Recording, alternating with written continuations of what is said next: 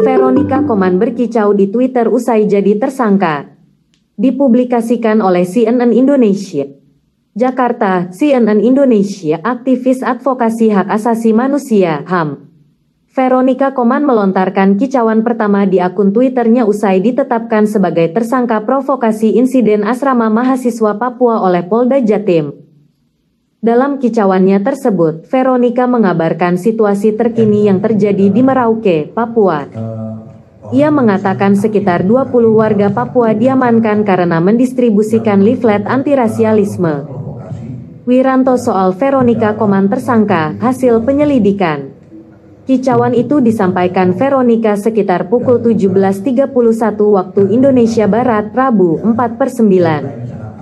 Ramai warganet yang langsung membalas kicauan Koman tersebut. Beberapa di antaranya berharap Veronica tetap selamat dan ada yang memuji keberanian pengacara HAM tersebut. Tak hanya itu, ada pula warganet yang membalas kicauan Veronica itu dengan nada miring karena status tersangka provokasi yang ditetapkan atas dirinya. Gambas Twitter Sementara itu, terkait kicauan Veronica Koman soal penangkapan di Merauke tersebut, Karopenmas Divisi Humas Polri Brigjen Pol Dedi Prasetyo menyatakan belum mendapatkan informasi terkait hal tersebut. Sementara itu Kapolda Papua Irjen Pol Rudolf Albert Roya dan Kabit Humas Polda Papua Kombes Pol Amkamal pun belum merespons pertanyaan yang dilayangkan Indonesia.com hingga malam ini.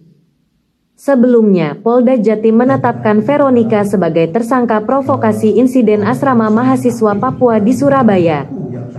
Kapolda Jatim Irjen Pol Luki Hermawan membeberkan empat pasal berlapis yang dipersangkakan kepada Veronica. VK kami tetapkan menjadi tersangka.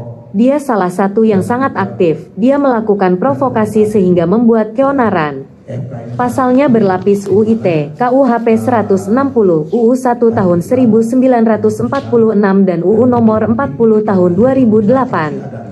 Ada 4 UU, kata Luki, di Mapolda Jatim, Rabu 4 per 9. Koalisi sipil berencana beri bantuan hukum ke Veronica.